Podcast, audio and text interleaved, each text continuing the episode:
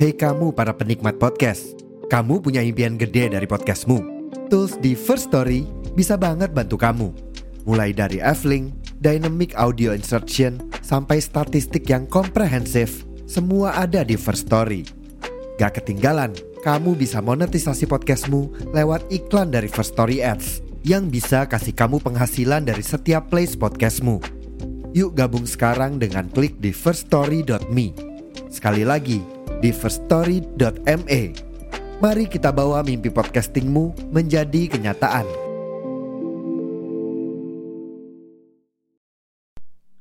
Emang iya kalau di Indonesia itu maksimal usia kerja 27 sampai 30 tahun. Kalau lewat dari itu ya udah pensiun aja lah. Nah, gue mau bahas di episode ini.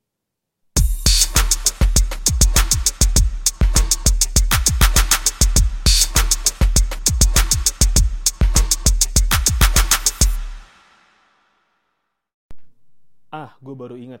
Iya, ada pembahasan soal ini. Jadi di beberapa waktu yang lalu, kayaknya udah lama sih, Bunda Korla sempat bahas.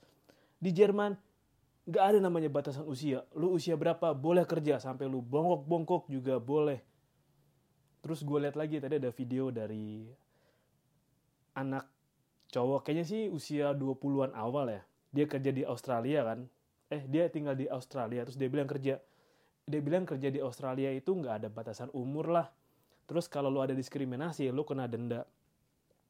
Terus gue sempat juga sih cari tahu ada video Mbak Vina yang ngejelasin soal kenapa kalau di Indo itu usia maksimal kerja itu ada di 30 tahun. Gue coba ngejelasin dari pengalaman gue karena kan gue ngurus di bagian karyawan berapa tahun ya? Dari 2017 sih, 2017 sampai enggak enggak enggak. Gue itu inget gue tuh 2016 Nov 2016 November kerja terus ya 2016 November sampai sekarang 2003 7 tahun kali ya. Ya 7 tahunan lah.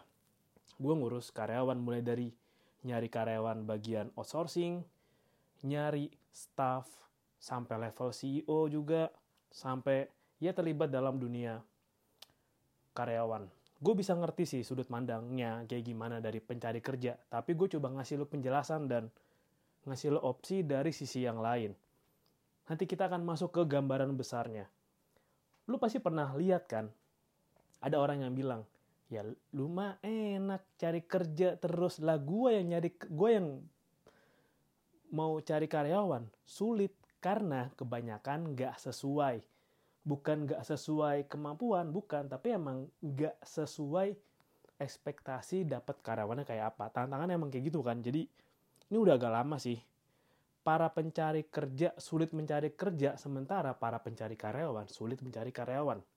Karena ada perbedaan kebutuhan, perbedaan juga gaji, dan juga harus, bukan harus sih, tepatnya adalah karena ada perbedaan dari apa yang diminta pemerintah untuk para pengusaha ini ikuti.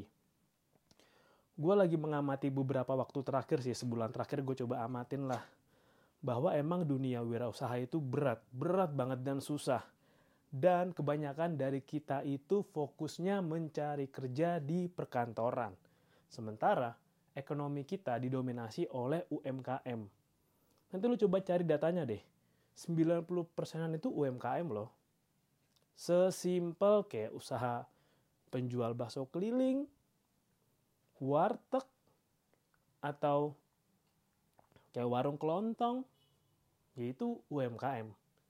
Kita didominasi itu dan untuk swasta itu masih di bawah 10% kok, di bawah 6% apa ya? Gue belum cek update-nya sih. Kayak, kalau nggak salah gue pernah bacain data ini di episode yang gue lama.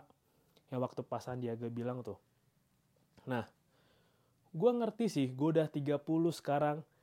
Iya, gue udah 30 bos. Udah 30 lewat. Berarti kalau gue nyari kerja lagi, sulit. Gue tahu. Dan gue coba ngejelasin dari sisi kayak tadi Mbak Vina bilang kan.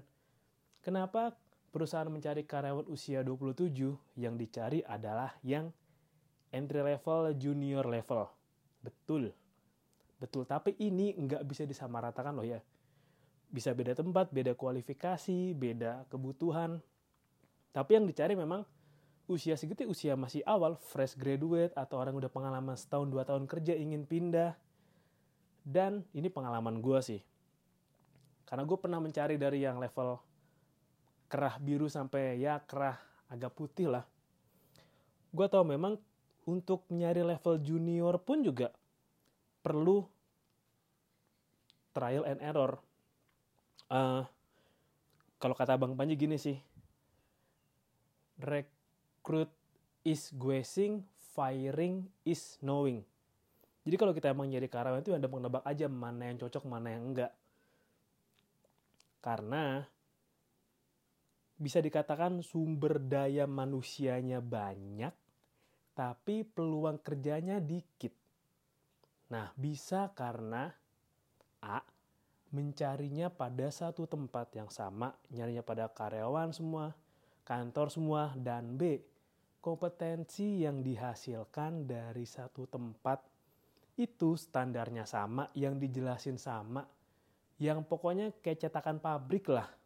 Atau yang C, belum adanya keinginan atau kesadaran untuk melihat opsi lain dari pada mencari kerja aja. Nah, A sama B itu saling ketergantungan sih kayak ketika lu lulusan sekolah A, sekolah B yang diajarin sama semua. Kompetensi lu sama semua. Keluar dari kelas, keluar dari sekolah, lulus, kompetensinya ibarat kata deh nilai rapotnya sama semua. Diharapkan lu bisa bersaing dengan dunia luar yang kompetitif dengan perbekalan yang lu punya di sekolah mau itu sekolah mau itu alma mater. Ya kalau keluar dari sekolah ya udah itu urusan lu. Lu masuk sekolah untuk ngikutin grade yang harus dianjurkan atau mengikuti arus alur pola dan jalur yang udah diciptain untuk lo bisa fit dengan sosial, dengan keadaan maupun apa yang udah normal dan umum di masyarakat kita gampangnya adalah ya lo kalau mau hidup bener ya udah sekolah sekolah sekolah kuliah kerja terus sampai tua pensiun. Sekolah sekolah sekolah terus kerja sampai tua pensiun. Gambarnya gitu. Tapi memang ada orang-orang yang berusaha bergerak keluar dari jalur. Ada yang sekolah terus kerja akhirnya menemukan mau ke mana. Udah berusaha struggle struggle struggle jadi pengusaha oke terus jalani sampai tua kemudian pensiun bisa gue bayangkan sih untuk punya usaha dan menjalankan usaha itu berat. Walaupun ngurus administrasinya mudah, tapi persaingannya berat. Mencari karyawannya juga berat. Nanti gue mau bahas sih soal kenapa nyari karyawannya berat, belajar dari apa yang terjadi beberapa waktu lalu. Yang gue bahas, karyawan es krim gelato yang ngambil uang punya pemiliknya atau yang kecantikan itu sampai healing-healing ke Bali, beli mobil, ternyata uang hasil tilep. Belum lagi juga gue baca Anya Geraldine ditipu sama manajernya kalau nggak salah deh. Atau orang terdekatnya gitu. Terus yang Jessica Iskandar juga. Nah, atau ya cerita kemarin tuh Bang Uus pernah cerita kan yang dikasih solusi ditipu juga sama timnya yang di kereta api jus jus jus itu sulitnya. Sulit. Memang harus gue akuin sulit. Karena memang dari kebiasaan kita yang mau diciptainnya gitu. Lo kalau mau fit di sosial lo kalau mau mengikuti alur yang ada di dunia terutama di Indonesia ya kayak gitu. Sekolah-sekolah sekolah kerja sampai tua pensiun. Kalau di Jerman gue bisa ngerti kenapa bisa rapi ya jelas negaranya nggak kayak kita negara yang dia satu kecuprak ataupun kalau ada gue belum lihat Jerman secara peta spesifik tapi gue yakin kepulauannya nggak pernah sebanyak kita. Kekayaan masyarakatnya budayanya bahasanya nggak sebanyak kita. Ngaturnya gampang. Serius ngatur gampang. Makanya lu belajar kayak dari Bandung kemarin. Wali kota Pak Ridwan Kamil ngatur Bandung bisa rapi karena ya Bandung aja. Kalau ngatur Jawa Barat tantangannya luas lagi. Beragam. Makanya kalau daerahnya nggak terlalu luas, gede, punya pemimpin yang bagus, sistem sudah teruji bagus karena negaranya sudah berdiri lama, ya bagus pas sistemnya udah alurnya oke aja lah. Tapi gue jadi ingat yang apa yang Christian Sugiono bilang ke mana waktu dikasih solusi.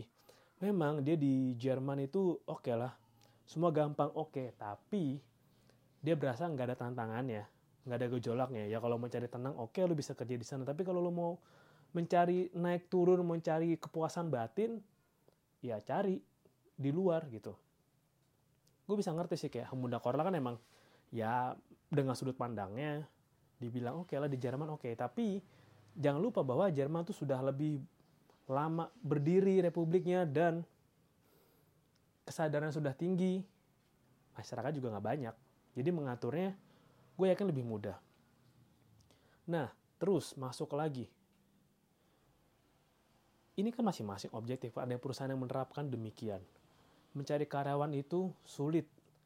Orang sih bisa nanya, saya mau kerja ini, pengalaman saya ini. Oke, kita runut satu-satu. Gua pernah nelponin karyawan untuk interview secara klasikal.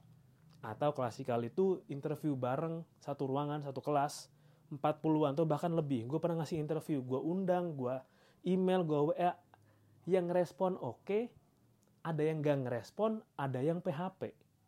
Jangan lupa, sebelum lu menuntut, pastiin lu udah melakukan kewajiban lu dengan baik. Sebelum itu.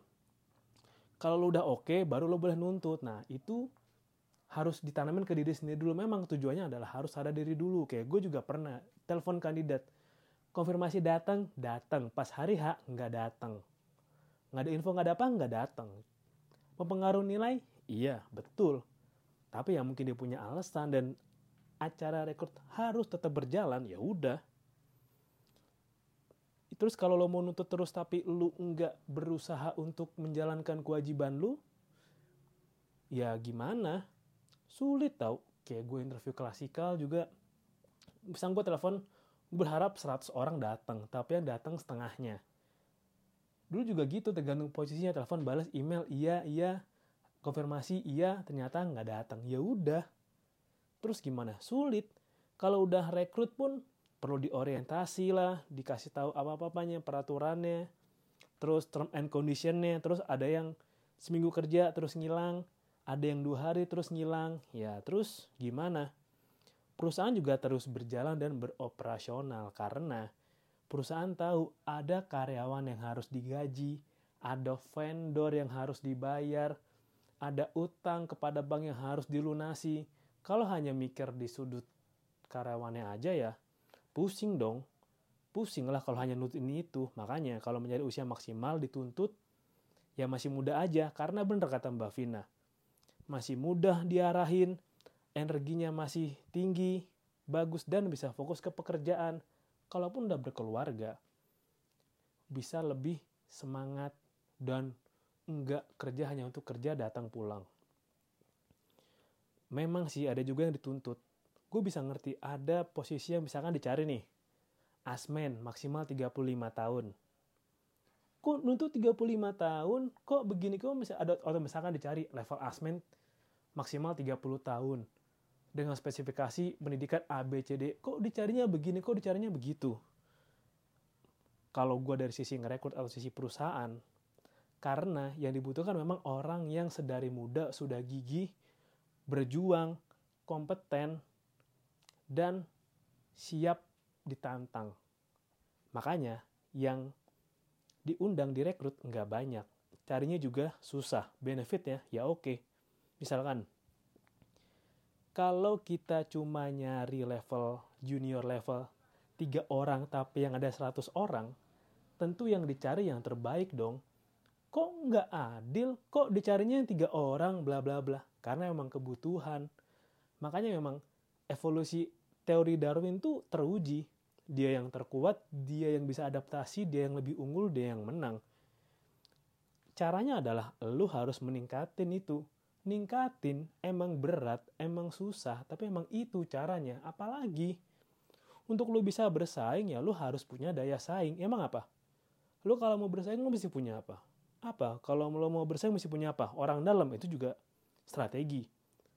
Punya misalkan punya misalnya lu punya taktik jitu lulus ujian tes itu juga cara untuk daya saing lu harus punya nilai plus kalau lu tetap dengan lu yang gak mau merubah diri lu dan berharap keadaan berubah baik sama lu dan lu menyalahkan keadaan ya coba introspeksi lagi. Gue bisa ngerti sih.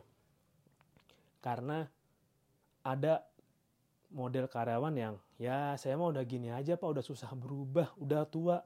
Ada. Tapi ada juga yang weh ya usia mah usia angka aja saya mah masih tetap semangat masih tetap bisa mengikuti perubahan. Ada ada yang kayak gitu. Dan makanya alternatifnya adalah lo harus tahu juga lo itu siapa lo itu gimana. Apakah lo memang cocok untuk bekerja? Apakah memang bekerja itu adalah passion lu, mimpi lu atau apa, lu mesti tahu itu juga. Karena ya tadi perusahaan mesti gaji, mesti bayar orang, karyawannya bukan lu doang. Vendornya bukan lu doang, yang terlibat bukan cuma lu doang. Gue juga pernah bahas kan, wah jadi bos mah enak, gajinya gede, bla bla bla. Untuk pemilik dapat gaji setelah bayar depan semuanya. Bayar karyawan, bayar sewa, bayar liabilitas, Sisanya baru buat ownernya. Makanya ini juga hal yang subjektif. Ada perusahaan yang bisa menghargai karyawan, yang mengapresiasi karyawan, ada yang ya biasa aja. Pilihannya adalah lu mau yang ke mana, atau bahkan lebih ke dalam lagi, lu itu siapa? Apakah lu staff yang kami butuhkan, misalnya apakah lu karyawan bagian finance yang kami butuhkan? Apakah lu internal audit yang kami butuhkan? Apakah memang di sini pekerjaan lu? apakah memang bekerja adalah tujuan lo? Apakah berada pada perusahaan ini adalah hal yang lo pingin dalam hidup lo? Makanya, waktu gue dulu interview klasikal, gue nanya, apa yang lo cari dalam hidup dan bagaimana lo mau meraihnya? Gue juga suka nanya gitu, apa target perusahaan atau target lo dalam perusahaan ini selama lima tahun ke depan? Tujuannya untuk tahu lu bakal stay di sini lima tahun atau enggak. Karena gue juga bagian yang ngurus karyawan. Gue tahu kalau ada karyawan in out, susahnya itu double. Gue gambarin gini, ini mungkin ya kan bukan urusan saya kak. Ya lu, ya urusan saya kan cuma cari kerja, dapat kerja syukur, nggak juga ya udah coba lagi. Iya udah kalau emang itu urusan lo. Berarti kalau lu nggak diterima, ya harus ada yang lu perbaikin. Kayak gue misalkan gini, kalau karyawan yang resign itu, pasti harus nonaktifin BPJS, serah terima pekerjaan, serah terima outstanding. Itu gampang? Enggak. Untuk karyawan yang lama, untuk jalan outstanding itu ada yang butuh proses lah, ada yang butuh waktu lah. Kalau untuk marketing dia harus kenalin lah, ini marketing baru loh, ini yang akan resign, ini yang gantiin, ini job desknya bla bla bla bla bla, ini tugasnya, ini yang mesti di selesaiin ini yang mesti dikejar yang mesti di collection atau di collect datanya bla bla bla. Banyak. Banyak karena semakin gede perusahaan semakin besar dan banyak orang-orang yang terlibat dalam satu departemen kalau perusahaan kecil ya oke okay, it's okay. In and out atau kayak gue dulu perusahaan outsourcing ya udah kalau misalkan gue nyari bagian kebersihan dia resign cari yang baru ya udah bisa atau cari gue dulu cari yang bagian di packing misalkan. Kalau nyari ya udah in out in out ya udah. Karena memang yang dicari adalah seberapa pinter lu seberapa skill yang lu kuasain dalam hal itu. Kayak misalkan di industri gue misalkan orang yang pintar matematika itu dicari banget karena perlu untuk menghitung estimasi keuntungan kerugian yang akan diterima perusahaan dalam setahun atau dalam jangka panjang Semakin tinggi keahlian sertifikasinya, makin dihargai tinggi karena ilmunya susah, biayanya mahal, belajarnya repot, harus selingin pekerjaan, matematikanya harus kuat, hafalannya harus kuat, makanya dibayar tinggi karena spesifikasinya. Kalau lu belum punya spesifikasi yang tinggi, ya lu harus belajar. Dan bertanya lagi, apakah ini spesifikasi atau keilmuan yang gue butuh untuk pekerjaan gue? Apakah gue bahagia dengan spesifikasi ini? Apakah gue bahagia dengan belajar expertise ini? Apakah gue bahagia dengan belajar di sini? Apakah gue bisa senang dan menikmati untuk belajar ini? Sambil dicari juga emang ini yang akan mau gue lakuin sumber hidup gue udah yakin? Lu boleh ngejalanin sambil bertanya atau kalau lu punya privilege so boleh cari tahu dulu sampai jadi dan kemudian jalan. Kebanyakan dari kita dan termasuk gue adalah ya kita nggak punya privilege dari keluarga yang kaya yang mapan. Biasa banget malah gue. Jadi ya udahlah. Ambil aja kerjaan yang ada sambil lu cari tahu mau ke mana. Gue dulu gitu. Ya gue nggak kerja makan pakai apaan gue? Makan daun. Kalau gue bisa makan daun kayak kambing sih nggak apa-apa. Udah nggak bisa gue. Kalau gue bisa makan cacing itu kayak cicak makan cacing gak sih? Kayak ayam lah kalau gue bisa makan cacing kayak ayam kali ya. Gue makan makan aja. Kalau gue bisa makan daun kalau gue bisa makan bunga ya makan aja nggak mikirin gitu. Tapi kan listrik mesti dibayar coy. Listrik mesti dibayar air mesti dibeli pulsa mesti diisi kuota juga. Gas aja udah apa yang ada. Dan kalau menurut gue sering kali orang yang mempertanyakan itu adalah orang yang punya privilege atau orang yang masih belum tahu mau ke mana. Dan orang tipe terakhir yang daripada gue introspeksi diri lebih baik gue menyalahkan orang lain. Itu ada loh. Lu mau golongan yang mana? Golongan yang gas terus hajar semuanya sampai gue ketemu apa yang gue mau gas jadi. Atau jalan aja udah. Bodoh gitu ya penting semua terpenuhi lah atau tadi kayak ah begini ah begitu ah begini ah begitu. Lo mau yang mana? Memang sih setiap perusahaan punya kebijakannya masing-masing. Makanya kayak tadi gue bilang ada yang nyari asmen di usia maksimal 30 ada. Ada yang oh gue pernah juga kok. Gue mencari level CEO minimal pengalaman kerja 15 tahun pernah jadi direktur utama atau selevelnya juga ya memang gitu semakin lu punya keahlian semakin lu punya pengalaman yang bagus, kompetensi yang bagus, lu akan dicari dan lebih mudah ditemukan. Kalau emang spek lu standar, ya SNI-SNI aja lah. Ya, nyari lu mah juga banyak, ibarat kata kayak Lego gitu. Nyari yang kayak lu mah banyak. Bisa diganti kapan aja lagi. Masalahnya adalah, seberapa lu nggak mau tergantikan dari posisi lu yang sekarang. Atau ya, seberapa susah cari pengganti lu untuk posisi yang sekarang atau posisi yang akan datang. Makanya prediksinya kan nanti ke depannya akan makin banyak posisi pekerjaan yang baru yang belum ada saat ini tapi kemudian ada. Kayak konten kreator 5-10 tahun lalu nggak ada. Sekarang ada konten kreator, video editor, media sosial spesialis, apalagi ya konten planner.